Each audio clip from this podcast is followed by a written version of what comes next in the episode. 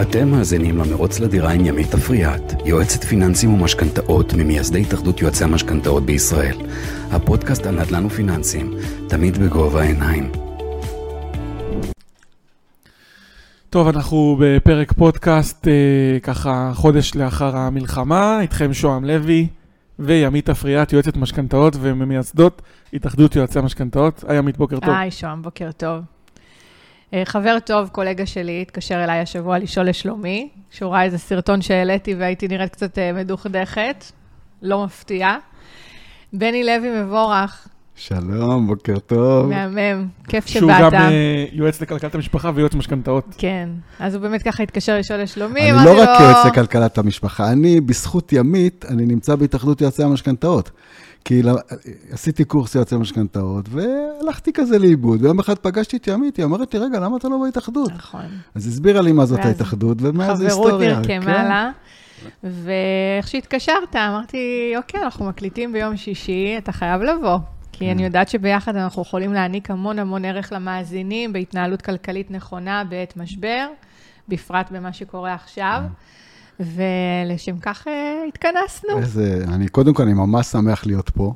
זה, תמיד אני שמח לדבר איתך, והפודקאסטים שלך הם, אני תודה. חושב שזה הפודקאסטים הכי טובים שיש. איזה כיף, תודה רבה.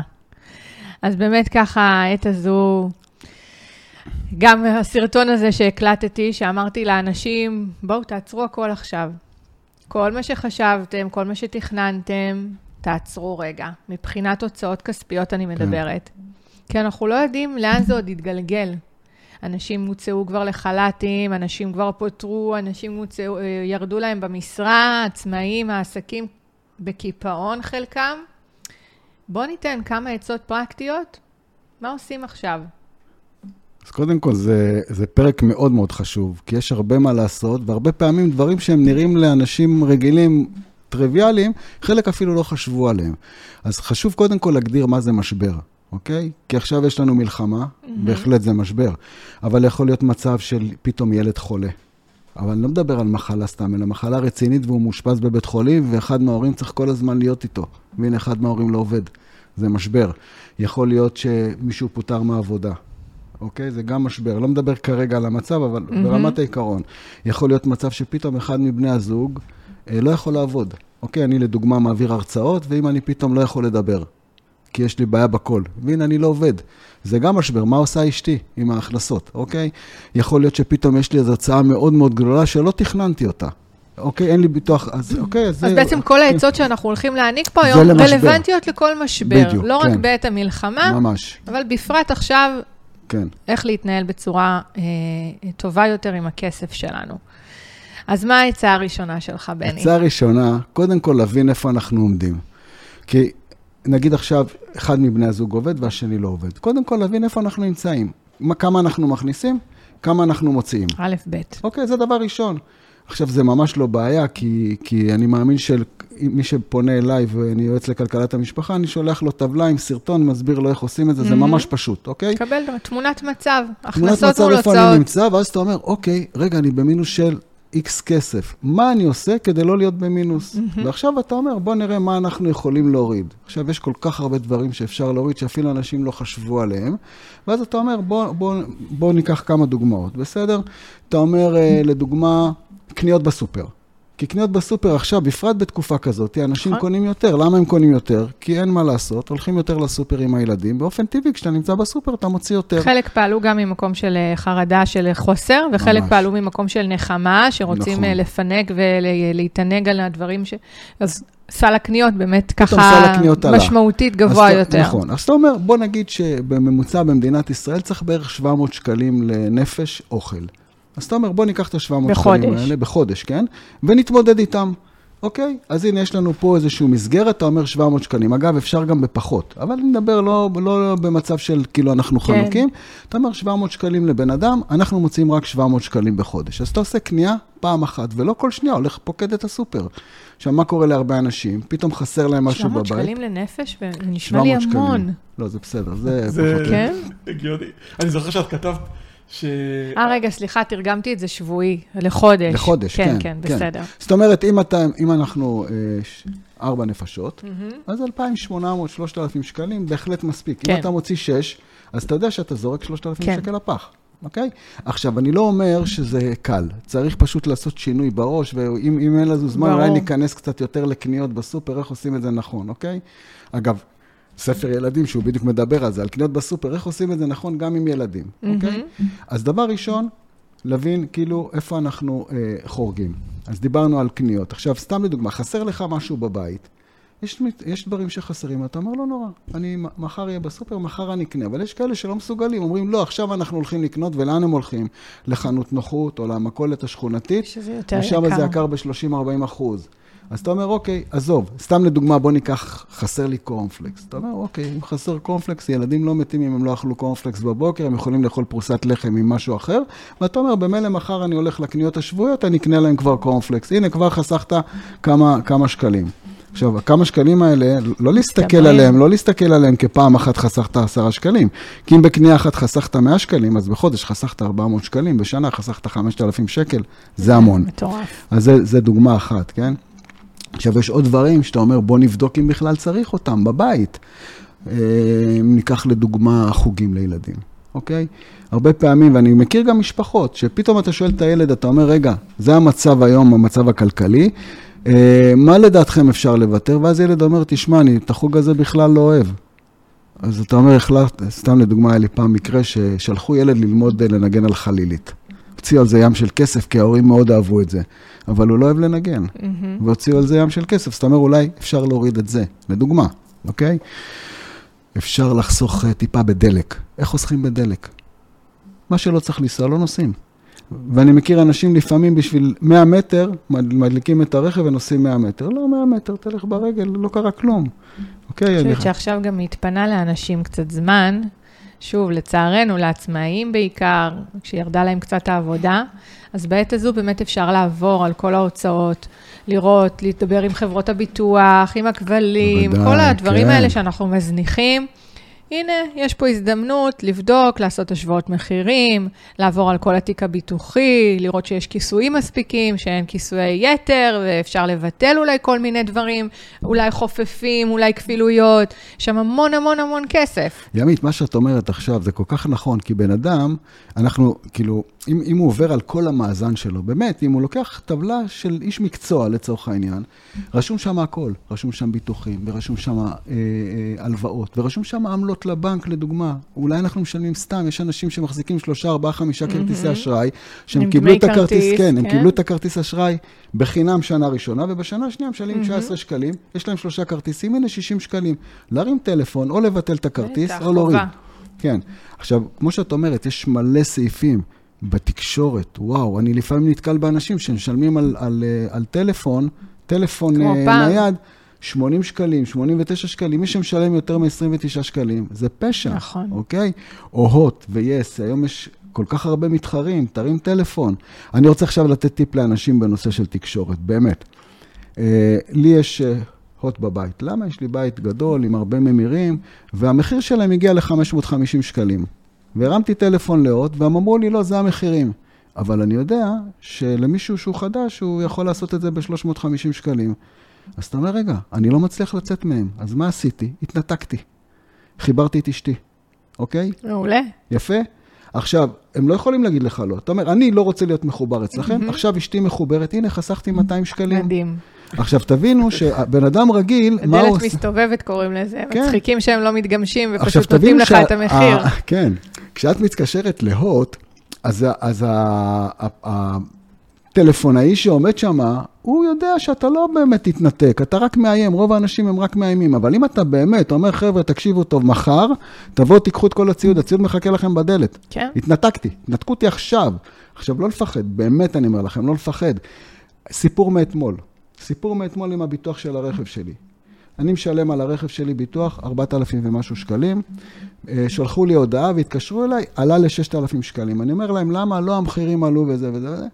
אני אומר לו, טוב, אל תבטח לי את האוטו. הוא אומר לי, לא, למה אתה אומר ככה? הוא אומר, תשמע, היו גנבות בשנה האחרונה, יש 140 אחוז יותר גנבות. אמרתי, אוקיי, אז תעלה לי את הביטוח ב-10 אחוז. זה מביא את זה ל-5,000 שקלים. אז הוא אומר לי, לא, אבל אני לא יכול, זה ממש 6,000 שקלים. אמרתי לו, אם אתה סוגר לי את זה מאוד בח- גבוהה. ב-5,000 שקלים, אני סוגר איתך. אומר לי, חכה, תן לי לבדוק, חזר, סגר לי את זה ב-5,000 שקלים. אלף שקלים בשיחת טלפון. מדהים. עכשיו, לא לפחד, לא לפחד, להגיד, חבר'ה, אם לא חד אתה, משמעית, מישהו אחר. חובה עלינו כצרכנים לעשות את זה. אין, אנחנו גם ככה קורסים פה תחת הנטל. אם אנחנו לא כן. נהיה אחראים על ההוצאות שלנו ונילחם על ההנחות ועל הכל, אין, אין לנו דרך אחרת לשרוד פה. את יודעת, ימית, עוד משהו שהוא. מאוד חשוב. בדרך כלל, הפקיד קצה שאתה עובד מולו, הוא אין לו הרבה סמכויות. יש מנהלים, אנשים חכמים מאוד, שהם חשבו איך להוציא מאיתנו, הבן אדם, הלקוח, הכי הרבה כסף. זה נכון לסופר, זה נכון אגב לבנק. במשכנתה. כי, כי. הרבה פעמים אתה בא ל, ל, לפקידת משכנתאות, והיא באמת רוצה לתת לך את הכי טוב, ובמחשב שלה רשום שהיא נתנה לך את נכון. הכי טוב. אבל אם אתה איש מקצוע ואתה מביא עוד הצעות, אתה יודע שאתה יכול לרדת עוד, אנחנו נכון. מכירים את זה ביום-יום.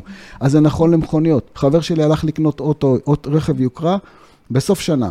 בדצמבר, רצו ממנו איקס כסף, הורדנו 20% מהמחיר של האוטו, תשלום. מזומן. כן, יפה. תשלום מזומן. אתה אומר, חבר'ה, עזוב אותך על זה, עכשיו אני בא קונה את האוטו. 20 אחוז, זה המון. 20 אחוז. זה המון. אוקיי? יפה זאת מאוד. אומרת, אנחנו צריכים להבין שכל המערכת, כל הסופרים, אגב, כולל רמי לוי שהוא זול בסל הקניות שלו, הוא גם כל הזמן חושב איך הוא מוציא יותר מאנשים, כי אין בן אדם שנכנס לרמי לוי לקנות רק נגיד גבינה או ביצים, והוא יצא רק עם ביצים. כן. אוקיי? אין דבר כזה. עכשיו, אם אנחנו מבינים את זה בראש, ואנחנו אומרים, כל הזמן אנחנו חושבים איך הצד השני חשב להוציא מאיתנו יותר כסף, אבל עכשיו אנחנו נדע להתמודד מההפוך על הפוך, אנחנו במקום אחר, אוקיי? כן.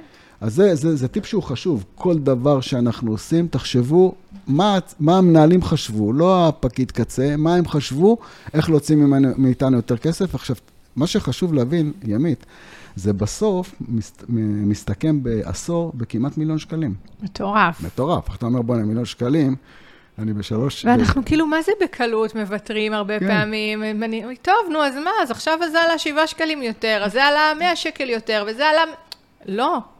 אנחנו עובדים כל כך קשה. נכון. בשביל שלא ניפרד ובפרט מזה בתקופת בכזאת משבר, קלות. שאתה אומר, רגע, את בדיוק דיברת על זה לפני כן, בוא נעשה סדר, בוא נעבור ונראה באמת איפה אנחנו נמצאים בכל מקום, ועכשיו יש לנו זמן, אנחנו לא עובדים, בוא נתחיל לתקוף דבר-דבר, נתקוף את הביטוחים, ונתקוף את הקניות, ונתקוף את הסלולר, ונתקוף את התקשורת, ונתקוף את כל דבר, ואז אתה אומר, וואי, יש לי בכיס עוד 3,000 שקלים, אגב. משפחה ממוצעת במדינת ישראל זורקת לפח 3,000 שקל בחודש. אם הצלחנו להשאיר 3,000 שקלים, אתה על הסוס. זורקת מה, בגלל האוכל או בגלל עוד דברים? בכלל כל הדברים. מכלול לא, של הוצאות שלא מנוהלות. כמו שצריך, יכולים בקלות לחסוך 3,000 שקלים שיכולים להיות להם לצמיחה, לחיסכון, להשקעות, בקלות אני חושב מרבית. שה- שהקושי שכל הזמן צריך לנהל את זה, ברמת ה... זה העלה לי את המחיר, אז אני צריך... אה, ולאנשים... אני חושבת שזה תלוי ב mindset שלך. כי כשאני מגיעה לנקודה שאני צריכה לחדש את הביטוח רכב, זה באהלן אהלן אצלי. ברור שאני אחפש את המחיר הטוב ביותר, ואני לא אסגור מיד עם החברה שאומרת לי, כמו שקרה לבני, שהעלו לו מ-4,500 ימית, את יודעת איך ל-6,000. הוא הלחיץ אותי? זה לא יקרה. הוא אומר לי, תקשיב, אנחנו עכשיו בראשון לחודש, יש לנו את המבצעים הכי טובים כן, בראשון לחודש. ברור. קוראים לו מתן, אני אומר לו, מתן, בחייאת, דינה, ברור, עזוב אותך משטויות. מוכרנים. אמרתי לו, עזוב, אתה יודע מה? סגור את השיחה, אל תחזור אליי. אני מבטיח לך שאני אמצא ביותר זול. לא, לא, הוא אומר לי, לא, לא, תזרוק לי מחיר. הוא אומר לי, תזרוק לי מחיר. למה לא ביקשת 200-300 שקל לא, יותר? כי, כי עשיתי בדיקה לפני כן. אני ידעתי, וידעת ידעתי, שבכל כן, מקום אחר זה יהיה הרבה יותר. יקר? אני, אני מכין את עצמי לפני, זאת אומרת, אני גם חי בשוק של המחירים, אז כן. אני יודע מה, מה אני יכול לקבל. אתה, אתה יודע, תמיד תכוון ליותר נמוך. ככה אני גם עושה במשכנתאות. אני מקבלת אישורים שהבנקאים אומרים, ימית, זה שלילי, זה שלילי. לא מתרגשת מהשלילי ברור. הזה. כמה שיותר שלילי, יותר טוב ללקוח שלי. כן. אין אצלי... שלילי, מה הכוונה שלילי? שזה ש... ברווח, רווחיות שלילית לבנק. כאילו הבנק לא מרוויח כסף. ברווחיות שלילית. באמת הם משתפים איתך את הנתונים האלה? כן, הם אומרים, הם כן, אומרים. אני... בסדר. אבל את מבינה, זה הפקיד קצה, הוא מבחינתו על האפס. נכון. אבל הוא לא יודע שהמנהלים שלו נכון, יודעים מה הרווח נכון. האמיתי. גם כן. זה היה לי, הייתה לי בנקאית שם שאמרה שזה שלילי ואין סיכוי. אמרתי לה, תקשיבי, בואי בבקשה תגישי כמו שאני מבקשת, בואי תראי שזה יעבור. לא, לא. התעקשתי נורא, היא הגישה והיא חזרה אליי, ימית, אני לא מאמינה, זה עבר. אוקיי? אז בדיוק כמו שבני אומר, הבנקאי רואה משהו ועובד לפי איזה שהם נהלים, ואנחנו צריכים למצוא את הדרכים.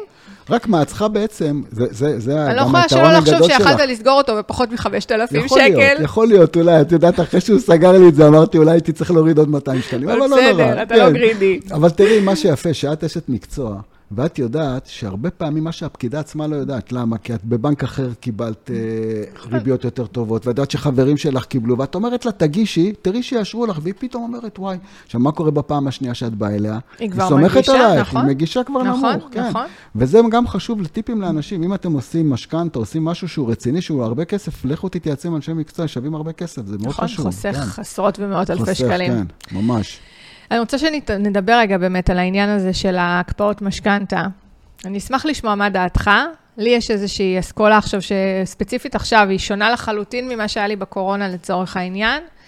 אמ, אני בזמן האחרון, עוד, פעם, זה העיסוק שלי, אני רואה הרבה אנשים שאין להם אה, תוכניות חיסכון, אין להם קרן חירום. ויש להם משכנתאות מאוד גדולות, אה, המינימום זה החזרים של 3,000, ויש לי החזרים של 8,000 וגם 10,000 שקלים בחודש. ואז אני באה ואומרת כזה דבר, בני, אני אומרת, בוא תקפיא את המשכנתה שלך, למרות שהכל כרגיל, אתם עובדים והכל מנוהל כרגיל ויכולים לעמוד בתשלומי המשכנתה, אבל צריך לגלות המון המון המון אחריות לקבל דבר עצמית גם, כזה, כן. אחריות מאוד גדולה. תקפיא את המשכנתה, את הכסף הזה תשים בצד, כאותה קרן חירום שאין לך, תעשה גם הארכת תקופה, אוקיי? כי יש היום את האפשרות הזאת, שבקורונה אני לא חושבת שהיה את האפשרות להאריך תקופה. לא ואז זוכר. אנשים בעצם עשו הקפאה, הקרן נפרסה על יתרת התקופה, וזה הגדיל להם משמעותית את. ההחזר החודשי. כן. כאן יש עכשיו אפשרות להאריך תקופה, זאת אומרת, אם יש לי 20 שנה, אז יהיה לי 20 שנה ושישה חודשים. ההחזר החודשי יעלה במעט בגין זה, כי בכל זאת הקרן מצטברת, נפרסת על תקופה חדשה, ארוכה יותר אמנם, אבל עדיין יש עלייה קצת בהחזר החודשי. ואת הכסף הזה שישימו בצד לחירום. אבל לחירום, לא תראי. לחופשה אחרי המלחמה, כן. לא, ל, לא לוותר על הקניות בסופר שהרגע דיברנו. חירום אמיתי, כמו שדיברת על משברים. כן. של מה מישהו שהפסיק אומרת- לעבוד, של מישהו כן, של ניתוח, כן. של... על כאלה, כאלה דברים. מה שאת דעתך על זה? קודם כל, אני מציע את זה גם ללקוחות שלי. אני אתן לך דוגמה. אני עכשיו, יש לי משכנתה מאוד מאוד טובה, בריבית של נגיד פריים מינוס 0.9, פעם היינו מקבלים כאלה, וריבית קבועה לא צמודה ב-2.6, ואני עכשיו הקפאתי את המשכנתה שלושה חודשים, ובעצם יש לי עכשיו עוד 16,000 שקלים, נגיד החזר של 5,000 כן. ומשהו. לקחתי את הכסף הזה, והשקעתי אותו סתם נגיד בהלוואה חברתית שנותנת לי היום ברוטו של 9 אחוז. שזה נטו יוצא בסוף 6 אחוז. Mm-hmm. אני לבנק משלם ריבית לאורך זמן של 3 אחוז, והרווחתי על הכסף כפול.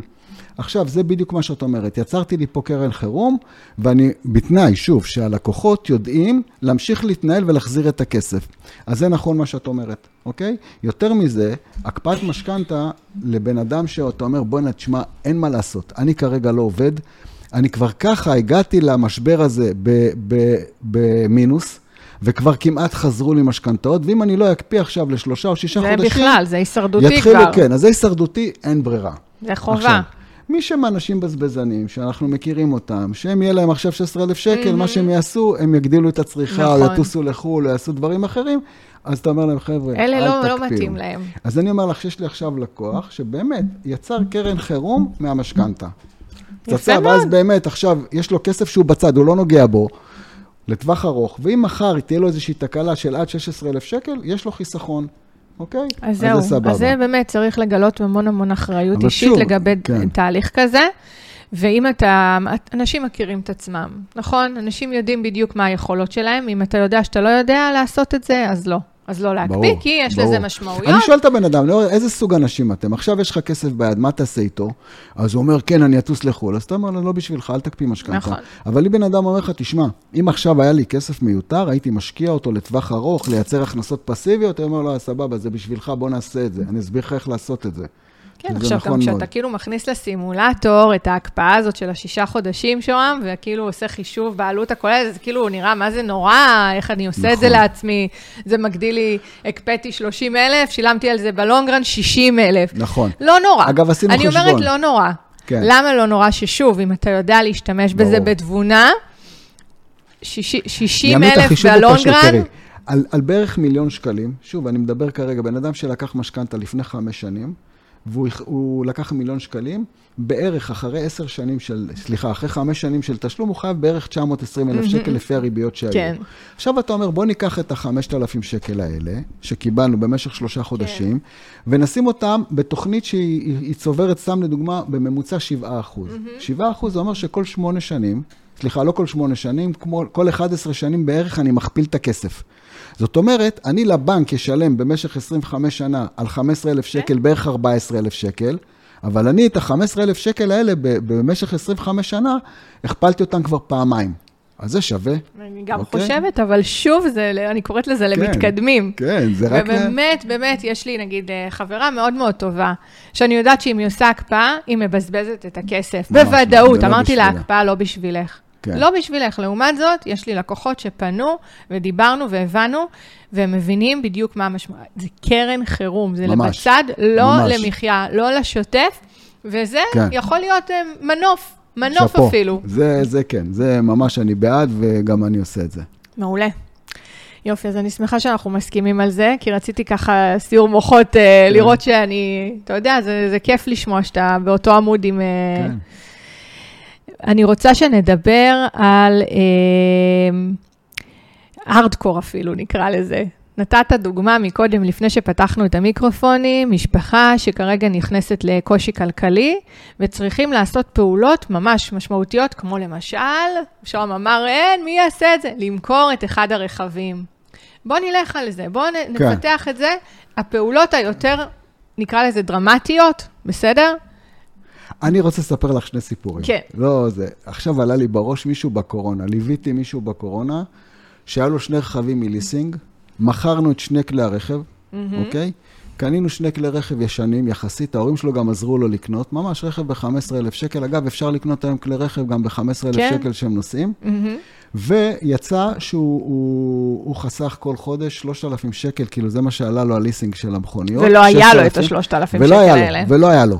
עכשיו, ההורים, הוא, הוא בא להורים, עשינו תוכנית, הוא בא להורים ואמר להם, תקשיבו טוב, אני, הראינו תוכנית כתובה, וההורים אמרו לו, תשמע, אתה יודע מה, אנחנו נעזור לך לקנות את הרכב המשומש הזה. מה קרה? הוא החזיר את הרכבי ליסינג, הוא עכשיו נוסע על אוטו ישן, אבל הבן אדם מבסוט. באמת, כן. אני אומר, הבן אדם מבסוט, יצאנו ממאזן שלילי למאזן חיובי, והוא נוסע על מכוניות ישנות. לא קרה כלום. לא קרה עכשיו. מה שקורה כרגע, נגיד עכשיו בזמן משבר, אחד מבני הזוג לא עובד. עכשיו, היה לו אוטו, והוא נסע לעבודה והוא חזר, וכרגע הוא לא עובד, הוא יושב בבית. אז אתה אומר, בוא ניקח את אחת המכוניות ונמכור אותה, אוקיי? גם האוטו שווה כסף, גם התחזוקה שלו שווה כסף. הנה, יצרת לך בעצם כסף שהוא... עכשיו, אתה לא מבזבז את הכסף הזה. אתה אומר, הכסף הזה, כשאני אצטרך לקנות רכב, יהיה לי כסף לקנות רכב. כן, אוקיי? אבל זה, אתה לא רוצה לראות את זה כמשהו מאוד זמני, שמחר הוא או חוזר לחילופין, לשגרה? רגע, אבל לא לחילופין. יש לי רכב ששווה נגיד 100,000 שקלים, וקניתי אותו ב-40,000 שקלים. מהמם. עכשיו תראי, אני לא סתם אומר לך, אני מאוד אוהב לקנות ולמכור מכוניות. באמת, פעם אב- אבי זיכרונו לברכה היה מכונאי רכב, והייתה תקופה בחיים שאני כל שנה החלפתי אותו. זאת אומרת, נסעתי בחינם, קונה בזול, מוכר במחיר השוק, אוקיי? עכשיו, יש מכוניות היום טובות, שאפשר לקנות אותן בזיל הזול. ואני יכול להגיד לך שהבן שלי נסע על אוטו שעלה לו 20,000 שקל במשך ארבע שנים ומכר אותו ב-18,000 שקל. יפה. אוקיי, אז אתה היה אומר, לך גם ירידת ערך, אז אתה פחות מפסיד, אתה אומר. כן. לא, הוא, הוא, הוא, בארבע שנים 2,000 שקלים. עכשיו, תבין, זה רכב שאתה לא צריך לעשות לו בכלל ביטוח מקיף, כי אתה אומר שילך לעזאזל, אוקיי? עכשיו, אם אתה מבין את זה, עכשיו, מה קרה? אנחנו חיים עם לחץ חברתי מאוד מאוד גדול. נכון. ואתה אתה רואה את השכנים שלך, נכון. מה נוסעים, וחברים שלך, ואתה אומר, מה, אני אסע עם אוטו ישן? כן, תיסע עם אוטו ישן, לא קרה כלום. עכשיו, לא רק זה, אני יכול להגיד לך ש, שהרבה פעמים בן אדם שנוסע עם אוטו ישן ואומר, תשמע, אני עכשיו ירדתי לצורך עלייה, הוא מרגיש עם זה טוב, הוא אומר, וואלה, זה מה יש לי, אני חי עם זה, הוא גם, לא, גם אין לו בעיה להסביר את זה לאחרים, אתה אומר, חבר'ה, לחץ חברתי לא משפיע עליי. אני יכול לבוא ולהגיד, כן, אני נוסע עם אוטו ישן, זה מה יש לי. אני לא מחליף עכשיו את האוטו, כי יש לי יעדים אחרים בחיים לעשות. עכשיו, אנשים מעריכים אנשים שיש להם עמוד שדרה, ואנשים מעריכים אנשים שהם עובדים ועושים את הכסף לבד ומרוויחים אותו לבד. ואני חושב שזה דוגמה, אתה אומר, אולי לא, למכור, לא, לא למכור לגמרי את האוטו, אבל בוא נקנה אוטו שהוא יותר זול, אוקיי? דוגמה. עכשיו, עוד דבר שהוא חשוב, כי כבר נכנסנו לנושא הזה, אה, אתה אומר, אוקיי, אז איך מרוויחים כסף? נגיד עכשיו בן אדם, פיטרו אותו, והוא, אה, אין לו, אין לו, איך, אין לו איך להרוויח כסף. אתה צריך לחשוב איך אפשר להרוויח כסף. אגב, גם בתקופה הזאת, יש מלא אנשים שמחפשים עובדים, בחקלאות לדוגמה, בבניין, נכון. בניקיון.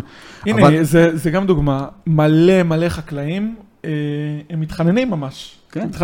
אתה אפילו אולי יכול למצוא עבודה בימי שישי, אבל אני חושב שאנשים לא מוכנים לעבודה כל, כל כך קשה באדמה, כי הם לא. מוכנים. זה נכון שם. אני אגיד לך, אני השבוע התנדבתי. בני הלך להנאתו לקטוף אה, רימונים. כן, השבוע התנדבתי בקטיף רימונים, באמת, זו עבודה מאוד קשה. ואני אגיד לך את האמת, אם לא הייתה לי ברירה, תראה, אני לא גדלתי עם כפית של זהב בפה. אני ניקיתי בתים, וניקיתי מכוניות, ועבדתי בגינון, וניקיתי חדרי מדרגות. בינינו אני אומר לך, זה לא נורא. אם אני בא בתפיסת עולם שלי, ואני אומר, וואלה, אני היום הולך לעבוד בקטיף. לא, אני עכשיו חודשיים עובד בקטיף. שם לי מוזיקה טובה, שם לי פודקאסט טוב, ועובד. אני אגיד לך את האמת, אני כל כך נהניתי מהקטיף רימונים. עכשיו, אם היה לי זמן, אגב, השבוע הבא אנחנו התנדבנו כמה חבר'ה ב- לעבוד בקטיף עגבניות, אוקיי? למה? באים חבר'ה, אנחנו יכולים להרשות לעצמנו בהתנדבות, אבל אם לא היה לי כסף, הייתי עובד בקטיף. כן. אין לי ברירה, אני צריך להאכיל את הילדים שלי. עכשיו, לא רק זה, ניקיון, את יודעת כמה אנשים מחפשים מנקים לבית? כל אוקיי? הזמן, כל הזמן. בניין, עכשיו עצרו את הכניסה של חלק מהפועלים, בניין, מרוויחים יש לא. מחסור אדיר, כן. כל העבודות כפיים, מה שאנחנו קוראים. מחסור אדיר. אפילו ב- בתעשיות ביטחוניות וצבאיות. כן, עכשיו הרבה... כל מיני הרכבות של לוחות, כל מיני, כל משהו ב, ב, בדיוק בעבודות של פלסטינאים וכאלה שאין, ההשראה שלהם לא בניין, שיפוצים, כל כן. הדברים, כן. עכשיו חבר'ה, זה לא בושה, אני חושב שכל עבודה מכבדת את בעליה, ואני אומר לכם, גם היום אני באופן אישי, כשהמנקה שלי לא מגיע, אני מנקה את הבית, זה ממש, ואני גם נהנה מזה, אני אוהב בית נקי. אז uh, אשתי אומרת לי, המנקה לא הגיע, אז אני אומר לה, אז לא הגיע. שם עליי בגדי ספורט, שם עליי פודקאסט של אין, ימית, אין, אני מעריצה אותך, מעריצה. ומנקה. הוא שולח אוקיי? לי תמונות שלו, אני סיימתי לנקות את הבית עם הפודקאסט שלך. גדול. מלך. יום אחד, תראי, אבל, אה, יש לי גינה, בית פרטי. אז uh, אני, אני אוהב לעבוד בגינה, מתחזק את הגינה, גם הייתי בעבר גנן. אז יום אחד ראיתי את ה... מה לא היית, בני? כמעט הכל. אז אני רואה, אני רואה גנן עובד אצל השכנים. אני אומר לו, תגיד, אתה יכול לבוא לגזם לי את השביל? הוא אומר לי, כן, אלף שקלים. אני אומר לו, למה אלף שקלים? אתה כבר פה, זה בדיוק שעה עבודה. אומר לי, לא, יש לי פה כלים, יש לי זה. אמרתי לו, אחי, תודה רבה, גם לי יש כלים. עכשיו, באמת, זה האתגר בשביל... הלכתי, עליתי על בגדים, עשיתי את השביל. הוא רצה ממני אלף שקלים, לקח לי שלושת רבעי שעה. שלושת רבעי שעה, חסכתי אלף שקל. עכשיו, גם נהניתי, כי אני, כשאני בא הביתה ואני אומר, אני עשיתי את ויש לך את זה, כן. היכולת והכלים לעשות. אני חושב שבכלל, בן אדם כשהוא עושה משהו, אז אוהב אותו, כי אתה משקיע. את מכירה את האנשים שאוהבים את האוטו שלהם כי הם ניקו אותו כן. והם השקיעו בו. את אוהבת את הילדים שלך, את משקיעה בהם, וזה אנשים, כאילו, אז כשאני עובד בגינה ואני נכנס הביתה ואני רואה את השביל שלי מגוזם יפה, אני אוהב את זה כי אני עשיתי את זה. עכשיו, את, התח- את, התחלת את השאלה בעצם איך מרוויחים כסף. אתן לך סיפור ממקרה של בן אדם שממש עכשיו אני מטפל בו, שהוא הוא קנה דירה בדיור למשתכן, מה קרה לו? מדד תשומות בנייה, בינתיים הוא המשיך לחיות רגיל, הוא גר בשכירות, והוא הגיע למצב שיש לו 400 אלף שקל חובות. ואז אתה אומר, אוקיי, אתה יכול אולי להרוויח עוד כסף, מסתבר שיש לו רישיון להיות נהג מונית, ולאבא שלו יש מונית. אז אני אומר לו, אז ביום שישי תיקח את האוטו של אבא שלך ותעבוד על מונית. לא הנה, חשב הוא על לא זה חשב על בכלל. זה אפילו, ימית, אבל הוא לא עשה את זה. את יודעת מה הוא עשה בסוף? הוא לקח הלוואה, ההורים של אשתו לקחו הלוואה, ועזרו לו לצאת מהמשבר, עכשיו הוא יחזיר להם, כי הוא רצה להגדיל את המשכנתה, וזה, בקיצור, סיפור. פלסטר. כן, ועכשיו אתה זה אומר... פלסטר, בני, הוא יבוא אליך עוד פעם עם אה, חוב יותר להיות, גבוה. אבל אני במקומו הייתי הולך לעבוד כנהג מונית ומרוויח ביום עוד 500, 600, 700, 800, לא משנה כמה, אבל מרוויח עוד כסף כדי לא להגיע. עכשיו, הרבה פעמים אנשים עובדים במקום עבודה, ואתה אומר, לך לבוס שלך ותשאל אותו אם אתה, אם, אם אתה יכול לעשות שעות. נוספות. גם, גם העלאת שכר, אבל נגיד העלאת שכר. בתקופה הזאת יותר קשה. מהמם. היה לי בחור שליוויתי אותו שהוא מחסנאי. אז הוא בא לבוס שלו ואמר, תגיד, אני יכול לעבוד בימי שישי? אמר לו, בטח. בשמחה. בטח, בואנה, אני יום שישי, יום שישי אנחנו לא עובדים, תסדר את המחסן, סוף סוף מישהו מסדר את המחסן. אחוזים יותר גבוהים. איזה כיף, אבל אנשים כאילו לא חושבים על זה, ו- ושום אולי גם נגע בזה קצת תכלס, אנשים באמת לא רוצים לעבוד קשה. לא רוצים. אני דור שבאמת גדלנו לעבודה קשה, ואף אחד לא התבייש בזה לעבוד קשה, והיום אתה רואה אנשים, אתה אומר, רגע, מה, אני אספר שאני מנקה? כן, אתה מנקה, מה קרה? לא קרה כלום. זה תקופה. אני הגעתי למה שהגעתי בזכות זה שהייתי חרוץ, ועבדתי עוד קצת, וחסכתי עוד קצת, והשקעתי עוד קצת, ו- ואני אומר לך באמת, אני ניקיתי גם פחי זבל, אמיתי. מעורר אני השראה. בירושלים, ב- בבניין שלנו, הייתי מנקה פעם בשבוע את הפח זבל. אז אתה אומר, אז מה, לא קרה כלום. רק נכון. חיזק אותי. מדהים. כן. בני, בוא נדבר קצת על איך מדברים עם הילדים, על השינויים במצב הכלכלי, עוד פעם, עכשיו, כן. כל משבר, זה רלוונטי copy-paste לכל נכון. דבר שיכול לקרות. אוקיי, אז קודם כל, מאוד מאוד חשוב, בכלל, גם פסיכולוגים מדברים על זה, לשתף את הילדים, לדבר איתם. כי הרבה פעמים הילדים מפרשים את הסיטואציה אחרת ממה שאנחנו מפרשים, ושווה לשמוע אותם, אוקיי? אז בואו נשים רגע את המצב הביטחוני בצד, בסדר? כי אני לא רוצה להיכנס, אני רוצה להיכנס רק לפן הכלכלי. וכשאתה יושב עם ילדים, ואני מדבר על ילדים בגילאי 7, 8, 10, 11, 12, אפילו 18, אפילו 22 שנמצאים בבית, ואתה אומר להם, בואו אנחנו נשקף לכם מה קורה אצלנו בבית. אתה אומר, תראו, אבא עכשיו לא עובד. למה הוא לא עובד? כי הוא נפצע או כי פיטרו אותו מהעבודה, וזה המצב שלנו. מה אתם חושבים שאנחנו יכולים לעשות? בואו תציעו רעיונות. ואז אנחנו מגלים שהילדים הם מאוד מאוד חכמים. ופתאום אנחנו נגלה שהילד הזה יגיד לך, אבא, אתה שולח אותי ללמוד מתמטיקה? אני מוותר על הלימודים, מבטיח לך שאני אלמד לבד. אגב, זה מדהים. משהו שהיה לי עם הבן שלי. הבן שלי אמר לי, אבא, אתה שולח אותי למתמטיקה, הייתה לי תקופה כלכלית קשה. הוא אומר לי, אבא, אני מבטיח לך שאני לא ארד במתמטיקה, תוותר לי על השיעורים. היה לי מקרה עכשיו של מישהו שהוא הוא לומד חלילית, ילד. והילד לא אוהב את זה. אז הוא אומר להורים, אבא, תוותרו לי על החוג הזה. אגב, יש עוד איזה משהו שהוא מעניין, שאנשים אפילו לא חושבים עליו, וזה יכול לחסוך כסף בקלות. לדוגמה, אני מסתפר פעם בחודש. במקום להסתפר פעם בחודש, אני מסתפר פעם בחודש ושבוע. מה קרה? אוטומטית יש לי עוד 20 אחוז אה, כסף בכיס. יש לי על זה כל הזמן שיחות עם אראל, הבן שלי, שהוא רוצה כל שבועיים להסתפר. יהיה לך שיער קצת יותר ארוך לאיזה תקופה. לא, תקשיב, אראל רוצה כל איזה שבועיים, שלוש, אני מסבירה לו את המשמעויות של זה, ויש איזה ספר מסוים שהוא רוצה שהוא יותר יקר מספר אחר, ואנחנו כל הזמן מדברים, מדברים על זה. הגענו ל... אני מוכנה לממן לך תספורת אחת בחודש, ב-50 שקלים. אוקיי. אתה רוצה יותר מזה, אתה רוצה אצל הספר, תממן בעצמך. ימית זה מעולה. ככה ומה הוא זה עושה הולך. לו? הוא, הוא. הוא מנהל את זה עם עצמו, הוא מעולה. עושה, הוא מסתכל ביומן, מעולה. מתי הוא היה. וזה גורם לו לחשוב. כן. אז עכשיו יש לא רק, לא רק תספורת, יש עוד הרבה דברים שאתה אומר, אני אתן לך, דוג, אני אתן לך דוגמה שמאוד פופולרית. אנשים הולכים לפסיכולוג, פעם בשבוע. אתה אומר, במקום פעם בשבוע, בוא נלך פעם בשמונה ימים. הנה, יש לך כבר עוד יש, יש 12% פה, יש חיסכון. פה המון המון המון... אה, עכשיו, אנשים אפילו לא חושבים על זה, באמת. עכשיו, אתה אומר, בוא נראה מה אני, מה אני חייב. עכשיו אני רוצה לספר לך גם סיפור שקשור למשפחה. ומה זה נקודה חשובה, מה שהעלית? על התזמון של הדברים, על ה... זה חשוב, יכול, יש שם המון כסף שאפשר לחסוך נכון. אותו. עכשיו, אני מכיר את זה, תראי, יש לי ילדה עם צרכים מיוחדים, אז יש לי, יש לי טיפולים שהם שנים. מהמם. אז מספיק שפעם בחודש או פעם בחודשיים, אתה אומר, הפעם אנחנו מוותרים. הנה, יש לך עוד... אם, אם ויתרת פעם בחודשיים, שאתה הולך פעם בשבוע, זה 1 ל-8, זה 12.5 אחוז חיסכון. כן? אנשים לא חושבים על זה, ואתה אומר, רגע, למה קבוע ביום ראשון? אני אעשה פעם ביום ראשון, שבוע הבא, אני שומר על רצף, אבל במקום ביום ראשון, ביום שני. אוקיי, זה עוד 14 אחוז חיסכון. כן. אוקיי, אז אנשים לא חושבים על זה. אה, אה, נושא של דלק הרבה פעמים, אנשים לוקחים את הילדים שלהם לכל מקום. אתה אומר, בוא נקנה אופניים, זה גם, זה סיפור מהמשפחה שלי, בסדר? הילדים שלי הגיעו לחטיבת ביניים, מגיע להם הסעה מהעירייה, הסעה עולה 1,500 שקל בחודש. הרבה בשנה, כסף. סליחה, בשנה. אה, אוקיי. 1,500 שקל בשנה. שימי לב מה עשיתי, קניתי אופניים לילד שלי ב-3,000 שקלים. אמרתי לו, גלעד, יש לך אופניים? תיסע עם אופניים לבית הספר. כשתרצה לנסוע בהסעה, זה על חשבונך, אוקיי? שש שנים הוא לא נסע אף פעם בהסעה. מדהים. עכשיו, אני קניתי לו אופניים, ואגב, הוא קיבל ממני כל חודש, כל שנה את הכסף של ההסעה. אמרתי לו, במקום לשלם לעירייה, אתה תקבל ממני את הכסף. וואלה. אוקיי? עכשיו, מה קרה כשירד גשם? אמרתי לו, גלעד, אתה רוצה שאני אקח אותך לבית ספר? הוא אומר לי, למה, מה, אבא, אני עשוי מסוכר? חמוד. נוסע עם אופניים. איך הוא נוסע לים מרעננה? עם אופניים. אוקיי, זו דוגמה שאתה אומר, בוא נשתף זה את חינוך, אין אין כן. פה שאלה בכלל. עכשיו, עוד סיפור נחמד שהיה לי בקורונה עם, אה, עם אבא שפיטרו אותו מהעבודה, שהרוויח 18,000 שקלים. ופתאום אפס, אפס שקלים. אז במקום להתבכיין, הוא פתח עסק קטן. כן. הוא הכין לחמי מחמצת, וביום שישי הוא היה מכין חומוס ופלאפל. מי עשה לו את המשלוחים? הבן שלו, ילד בן עשר. יפה מאוד. שימי לב, ילד בן וואו. עשר עשה את המשלוחים, והילדה שלו בת שמונה, היא עשתה את הכדורי פלאפל. עכשיו הוא שילם להם. והילד שעשה את המשלוחים קיבל 27 שקלים טיפ, וקיבל כסף מאבא שלו. בסוף היום, את יודעת מה אמר לאבא שלו?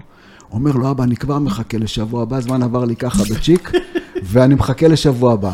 עכשיו, מה הילד יזכור מהקורונה? במקום אבא מסכן שלא עובד, הוא יזכור אבא יזם, מדהים. ועבד איתו. והילדה בת שמונה הכינה כדורי פלאפל. עכשיו, תביני, במקום לייצר מצוקה, אתה אומר, בוא ניקח את המשפחה, ונשאל גם אותם מה, מה אפשר לעשות, ואת מגלה ילדים שמכינים כל כך חשוב. ומכינים מיץ, ועושים זה, וקוטפים uh, זיתים, וקוטפים סברסים, ומוכרים, ולוקחים בקבוקים וממחזרים, ולוקחים כלבים ומטיילים שותפים. איתם. שותפים, כן. שותפים וכלים לחיים שהם מקבלים בתוך הדבר כן, הזה, שזה כשהם כיף. משתפים ולא מסתירים ולא מדברים מאחורי הגב כן. שלהם. זה מאוד מאוד מאוד חשוב. וככה גם הילדים, הם לא בלחץ. כי תארי לך ילד חושב שלהורים שלו אין כסף, והוא אומר, בוא'נה, אני לא אוכל פחות, אני לא אפתח את המקרר, שלא יחסר לי אוכל פתאום. אז אתה אומר, כן. לא, תגיד לו, אין פה בעיה של אוכל, אנחנו נמשיך לעשות את זה, נמשיך לעשות את זה, אבל בואו נראה מה אנחנו כן יכולים להוריד, ובאמת, הילדים הם, הם מדהימים, באמת. עכשיו, אני אומר את זה מניסיון של הרבה משפחות, כולל גם ממשפחה שלי. כן. כן. בואו נדבר על היום של אחרי. חזרנו לשגרה, נגמר המשבר, עוד פעם, אנחנו כל פעם אנחנו משתמשים במילה משבר לבחירתך, כי אתה אומר, זה לא חייב להיות המלחמה, זה יכול כן. להיות כל אירוע אחר. הסתיים המשבר, חוזרים, יש את התחושה הזאת של, טוב, לא בילינו שנה, לא זה, בוא. איך מנהלים את זה בצורה באמת ככה מפוקחת, שוב, תראי, תמיד יהיה משברים. זאת אומרת, צריך לצאת מנקודת הנחה שכל תקופה יש משבר. במקרה שלנו היה קורונה לפני שנתיים-שלוש, והנה עכשיו יש לנו משבר שהוא לדעתי עוד יותר גדול מהקורונה. הרבה יותר גדול. כן.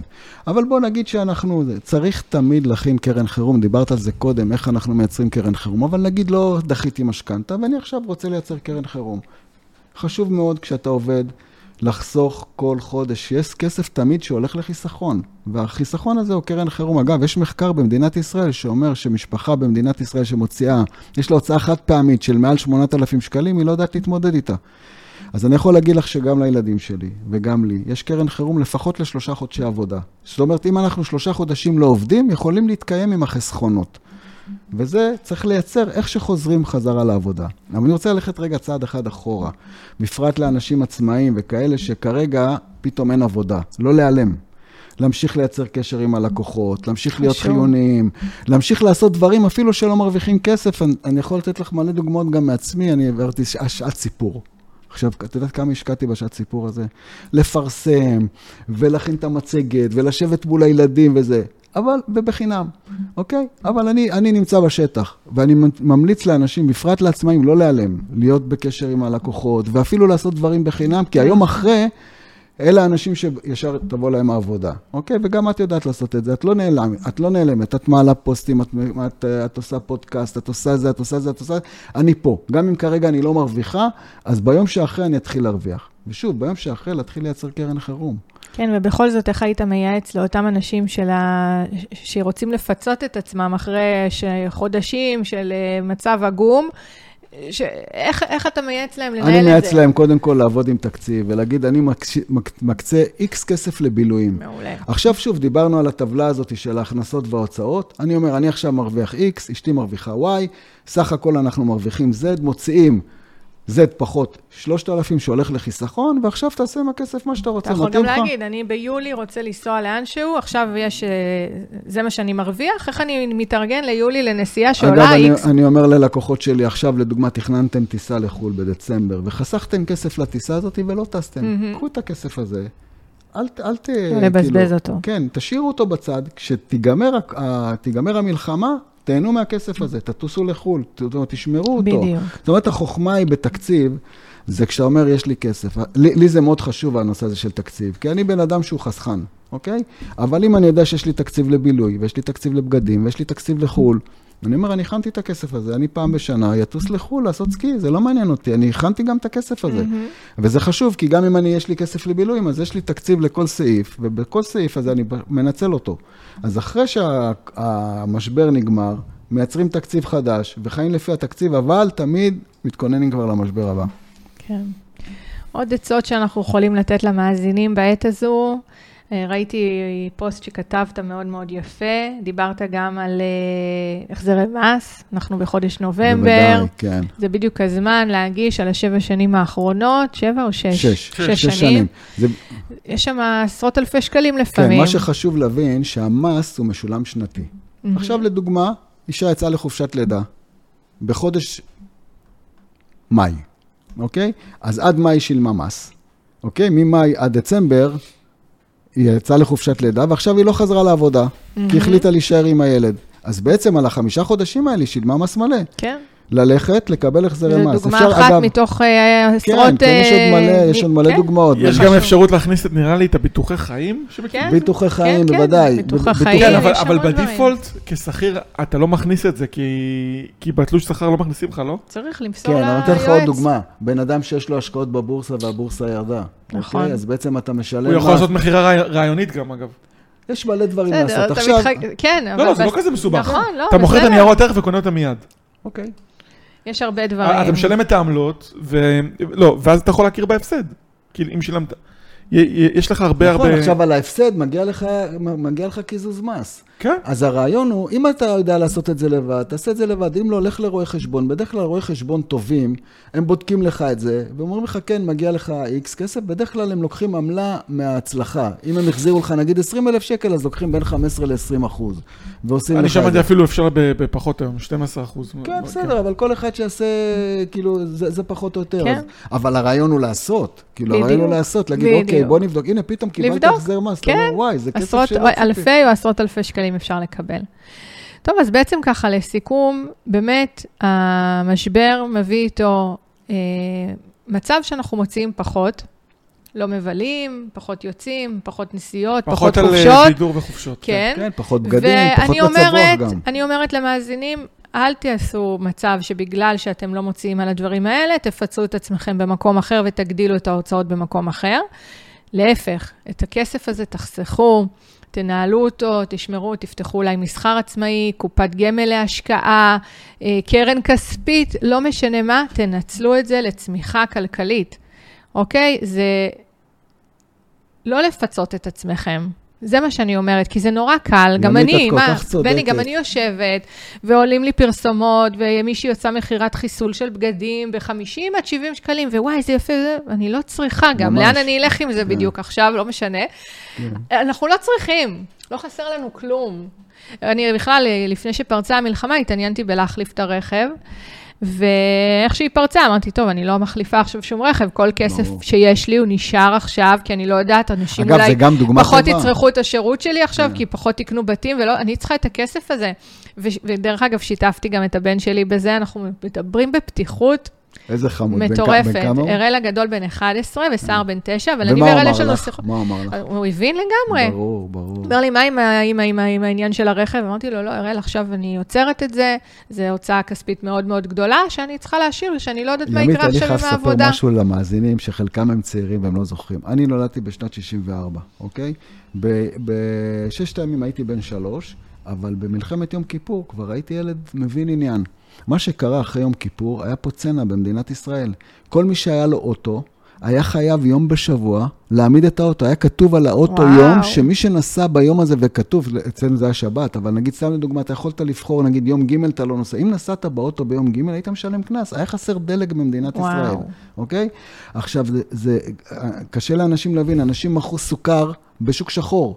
היה מחיר לסוכר, אבל מה אנשים מכרו, אומר? יש לי לא דוד שהוא, יש לי דוד. שהוא, אה, היה לו חנות מכולת, הוא מכר סוכר בשוק שחור וכנסו אותו, אוקיי?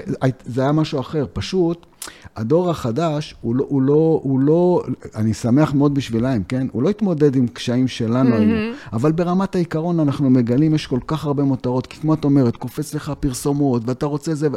עכשיו אתה אומר, כן, זה כיף לקנות בגדים, זה כיף לצאת לבלות, זה כיף לטוס לחו"ל, זה נכון, אבל אם אין, לא נורא אם לא עושים, לא מתים מזה, זה רק מחשל אותנו, ובאמת, תקופות משבר בדרך כלל, הן יכולות לחסל, לחסן אותנו בצורה מאוד מאוד משמעותית, כי אתה אומר, בואנה, הנה, הצלחנו לעשות את זה, כי בדרך כלל מקושי אפשר לצמוח. ובאמת, מה שאני חשוב לי ל- ל- ל- למאזינים, חבר'ה, תיקחו את הקושי הזה, חייכו, הכל בסדר, זה לא סוף העולם, אנחנו ננצח במלחמה הזאת כי אין לנו ברירה, אין לנו ארץ אחרת, אנחנו את המדינה הכי טובה שיש בעולם, באמת, אני אומר, עם המלחמה, אנחנו המדינה הכי טובה בעולם, אנחנו רואים איזה אנשים טובים יש פה, וכמה אנשים. הם מתגייסים לעזור בכל תחום, באמת, את בטח גם במשכנתאות, תחשבי לכמה אנשים עזרת בלי, בלי, שיגבו, בלי לגבות תשלום, כדי לעזור להם, ואולי פה להקפיא, ואולי פה למחזר, ואני יודע איזה שירות את נותנת לאנשים שלך, ואגב, גם אני. ואתה אומר, אני מהמשבר הזה צומח, כל משבר אני צומח, ולא לחייך, לא קרה כלום, אנחנו בסוף נתגבר על הכל, ו, ובאמת, זה, זה אחד הדברים שחשוב להסתכל עליהם, להסתכל על החצי כוס המלאה, ולא רק זה, למלות את החצי כוס הריק. זאת אומרת, אתה אומר, רגע, עכשיו התפנה לי זמן. וואי, אני משתעמם. לא, התפנה לך זמן, בוא תחשוב איך אתה ממלא אותו, מה אני עושה, מה אני תורם, מה זה, ואז אתה פתאום מגלה שהמשבר הפך להיות משהו שהוא חיובי, ולא, ולא איזשהו... בסוף משבר זה כן? צמיחה. כן. כן. תודה רבה רבה רבה, תודה לך, ימית, איזה כיף להיות פה. בני מבורך לוי, יועץ לכלכלת המשפחה, יועץ משכנתאות וגם סופר. סופר, אז כן. נזכיר את הספרים שלך. ההרפתקה בסופר, קופת החיסכון הראשונה של סיוון, ילדים ממש אוצר, ואבא אני עשירה. כל זה בהוצאה שלך. אז זה גם ספרים שמתאימים לתקופה. מאוד, תמיד הם מתאימים. כן, זה תמיד. תודה ואגב, רבה, כל ספר. ילדים זה ספר למבוגרים. כן, מבוגרים. ברור. כן. זה- אז, אה, אז בכלל אה, מקסים, ותתנהלו יותר חכם ובשיקול דעת. תודה. טוב, להתראות. תודה רבה. תודה שהאזנתם לעוד פרק של המרוץ לדירה. על מנת לא לפספס אף פרק, תעשו עוקב לפודקאסט. אתם מוזמנים להירשם לניוזלייטר של ימית ולקבל עוד תכנים מעשירים. פשוט רשמו בגוגל ימית אפריאט.